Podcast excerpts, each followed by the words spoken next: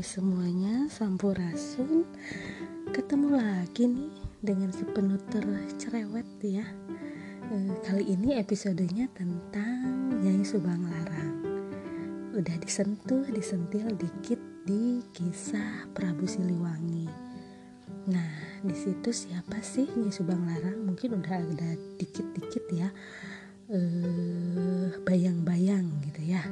Nah, sekarang saya akan bercerita siapa sebenarnya Subang Larang itu yang namanya juga menjadi asal mula sebuah kabupaten di Jawa Barat ya. Check it out. Kisah Nyai Subang Larang tercatat dalam Carita Purwaka Caruban Nagari karya Pangeran Arya Cirebon yang dibuat tahun 1720. Menurut naskah ini, Subang Larang bernama asli Kubang Kencana Ningrum. Beliau lahir tahun 1404 dari ayah yang bernama Ki Gedeng Tapa yang merupakan Syah Bandar Pelabuhan Warajati, sebuah pelabuhan penting di utara Jawa Barat yang termasuk kekuasaan nagari atau kerajaan kecil Singapura. Sedangkan Prabu Siliwangi awalnya bernama Pemanah Rasa, putra dari Prabu Anggalarang dari kerajaan Galuh. Ketika itu Jawa Barat dikuasai oleh dua kerajaan besar yang masih berkerabat yaitu Galuh yang berpusat di Ciamis dan kerajaan Sunda yang berpusat di Pakuan Pajajaran di Bogor. Kerajaan Sunda dipimpin oleh Raja Susuk Tunggal yang masih bersaudara dengan Prabu Anggalarang. Dua kerajaan besar ini menguasai beberapa nagari atau kerajaan kecil seperti Singapura, Japura, Wonogiri, dan lain-lainnya. Nah, Singapura itu kan di kisah sebelumnya sudah diceritakan bahwa ini adalah uh, nama nama nama lain dari Cirebon seperti itu ya. Sekitar tahun 1415 datanglah rombongan armada Cina yang dipimpin Laksamana Zheng He atau Cheng Ho ya yang beragama Islam di Muara Jati. Saat inilah Islam mulai dikenal di sana tahun 1418 seorang ulama Islam bernama Syekh Hasanuddin bin Yusuf Sidik yang menumpang perahu dagang dari Champa yang kini termasuk dalam wilayah Vietnam dan sebagian Kamboja. Ada pula yang berpendapat bahwa keduanya datang dalam rombongan yang sama. Syekh Hasanuddin kemudian akrab dengan Ki Gedeng Tapa.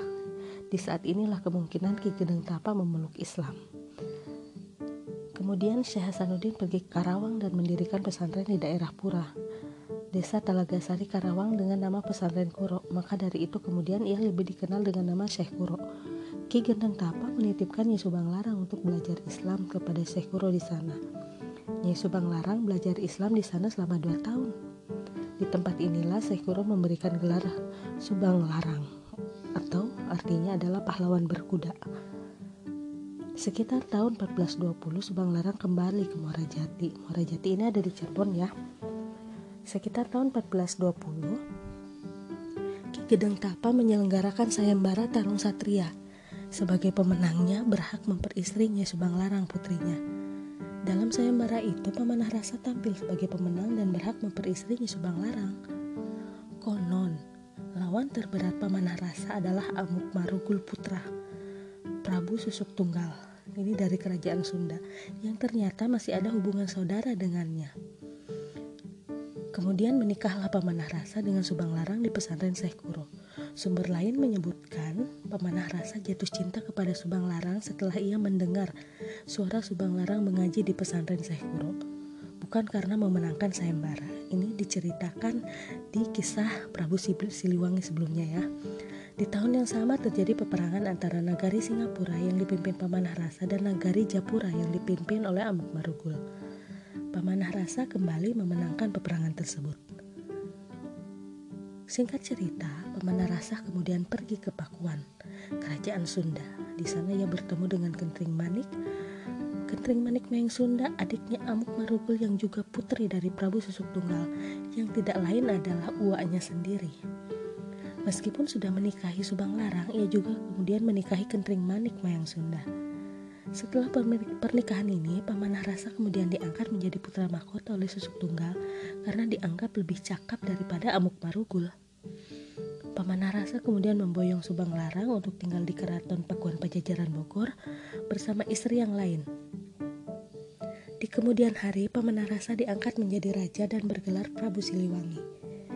Berdasarkan penelusuran Abah Dasep Arifin, semasa hidupnya Subang Larang dipercaya mendirikan pesantren dengan nama Kobong Amparan Alit di Teluk Agung yang kini berada di Desa Nenggereng, Kecamatan Binong.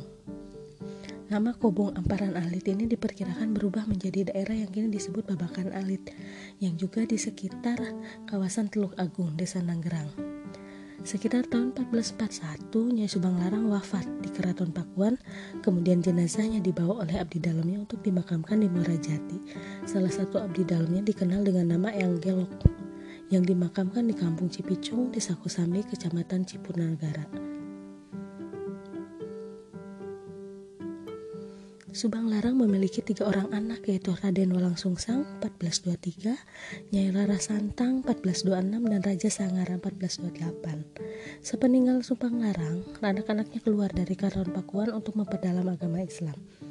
Ketiga anaknya inilah yang kemudian memegang peranan penting mengubah Jawa bagian barat menjadi daerah penyebaran Islam. Pangeran Walang Sungsang atau Pangeran Cakrabuana kemudian menjadi penguasa Cirebon, pendiri Kesultanan Cirebon. Rara Santang yang memiliki anak bernama Sarif Hidayatullah yang kemudian dikenal dengan Sunan Gunung Jati, Raja, Sang, Raja Sanggara kemudian dikenal dengan nama Kian Santang, konon menurut legenda, Prabu Siliwangi pergi meninggalkan hutan eh, keraton Pakuan dan menghilang di hutan Sancang di selatan Garut pada masa masuk Islam di hadapan anaknya sendiri Kian Santang. Banyak versi untuk ini ya termasuk juga bahwa Nyi Subang Larang itu adalah termasuk istri yang terusir. Diusir ke kerajaan Banten diusir dari uh, kerajaan Galuh ya. Kerajaan Pajajaran diusir dari kerajaan Pajajaran kemudian uh, pergi ke kerajaan Banten. Banyak sekali versi untuk ini gitu ya. Versi berbeda juga uh, riwayatnya termasuk dalam perjalanan Nyi Subang Larang adalah tempat-tempat yang pernah ia singgahi semasa hidupnya Apakah di lokasi Nanggerang ini benar-benar ada jejak hidup Subang Larang? Ini perlu ditelusuri ya lebih lanjut.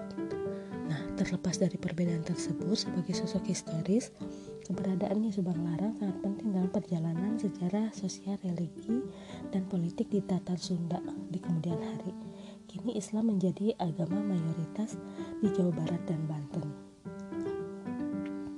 Untuk ini ya, uh, ada sedikit kisah juga dari sejarah Cirebon yang pernah saya baca bahwa Subang Larang adalah istri Prabu Siliwangi yang dibuang. Yang barusan saya ceritakan ya saya sentil sedikit uh, Subang Larang mempunyai nama lain yaitu Subang Karancang. Merupakan salah satu istri Sri Baduga Maharaja yang lebih dikenal dengan sebutan Prabu Siliwangi. Awal mulanya katanya Prabu Siliwangi sangat mencintai istrinya, tetapi setelah keduanya memiliki anak, rupanya terjadi konflik dan konflik tersebut kemudian menyebabkan dibuangnya Subang Larang dari istana. Menurut naskah Kuningan, Subang Larang merupakan anak dari Nyai Karancang Singapuri. Beliau diceritakan berasal dari kerajaan Singapura, yaitu kerajaan bawahan Pajajaran yang terletak di desa Mertasinga, kecamatan Gunung Jati sekarang. Beliau merupakan anak Mangkubumi di kerajaan itu. Sementara menurut naskah Carita Purwa Purwakaca Nagari, Subang Larang adalah anak dari pati kerajaan Surantaka yang bernama Ki Ageng Tapa dari istrinya yang bernama Nyai Ratna Karancang. Sementara itu, kisah mengenai dibuangnya Subang Larang oleh Prabu Siliwangi dikisahkan dalam naskah Mertasinga. Dalam naskah ini disebutkan bahwa sebab-sebab dibuangnya Subang Larang dari istana disebabkan karena ia telah lancang menyimpan rahasia keislamannya. Di istana kerajaan Pajajaran tidak boleh ada yang menyebut nama Allah. Oleh sebab itulah setelah peristiwa itu Subang Larang kemudian diasingkan di Banten. Mendapati ibunya diperlakukan seperti itu, anak tertuanya kemudian ikut meninggalkan istana, disusul oleh adiknya karena sakit hati. Kisah pembuangan yang dialami oleh Subang Larang dalam naskah Mertasinga dikisahkan oleh Subang Larang sendiri ketika beliau bertemu dengan cucunya Sarif Hidayatullah di Cirebon.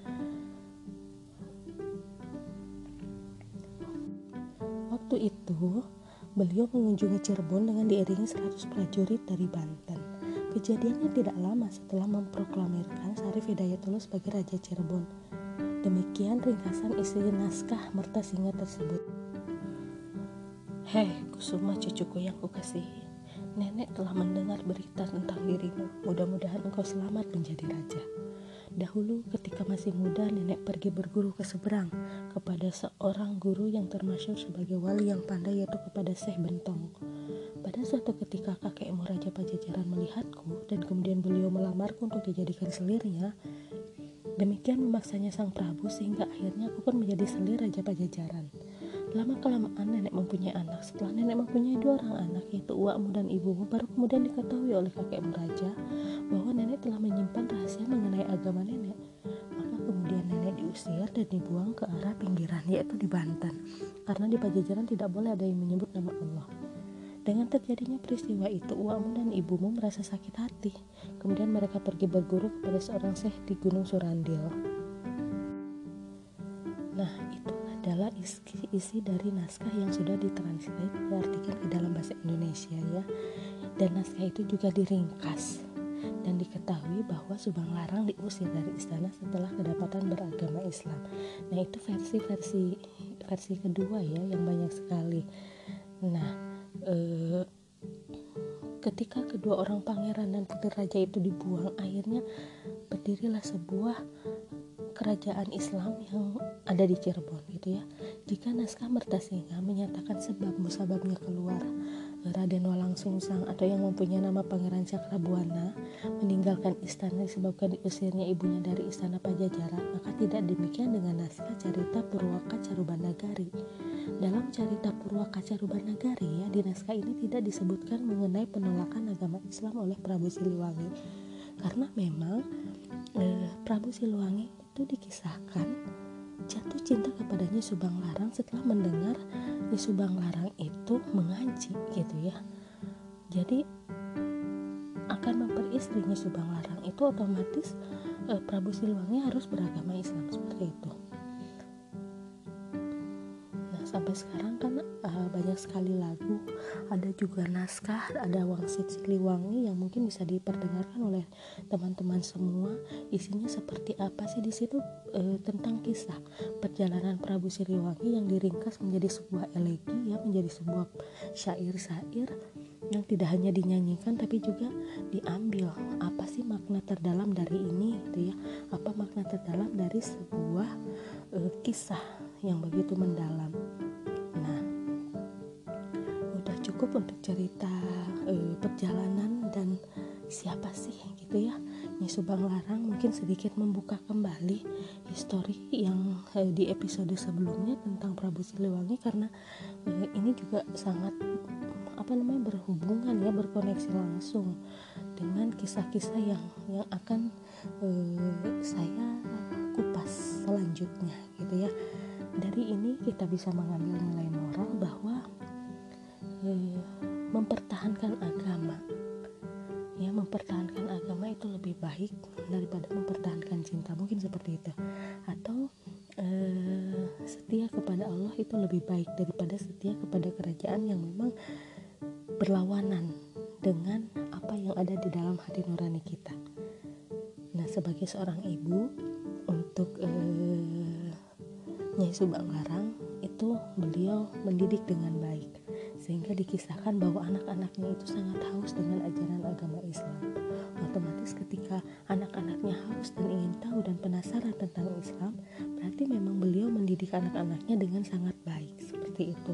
Dan memang berlandaskan dan bernafaskan dengan ajaran-ajaran Islam yang sesungguhnya. Mungkin ini sedikit ya, sedikit deh kisah yang terpenggal dari uh, beberapa kisah yang mungkin berbagai versi yang sudah menyebar dan mungkin diketahui seperti itu. Nah, untuk selanjutnya kita akan bertemu di episode uh, yang lain tentu dengan cerita yang atau kisah yang masih ada hubungannya dengan ini, masih ada hubungannya dengan Prabu Siliwangi dan mungkin akan lebih menarik ya. Kisah-kisah selanjutnya. Terima kasih. Assalamualaikum sampurasun sadayana.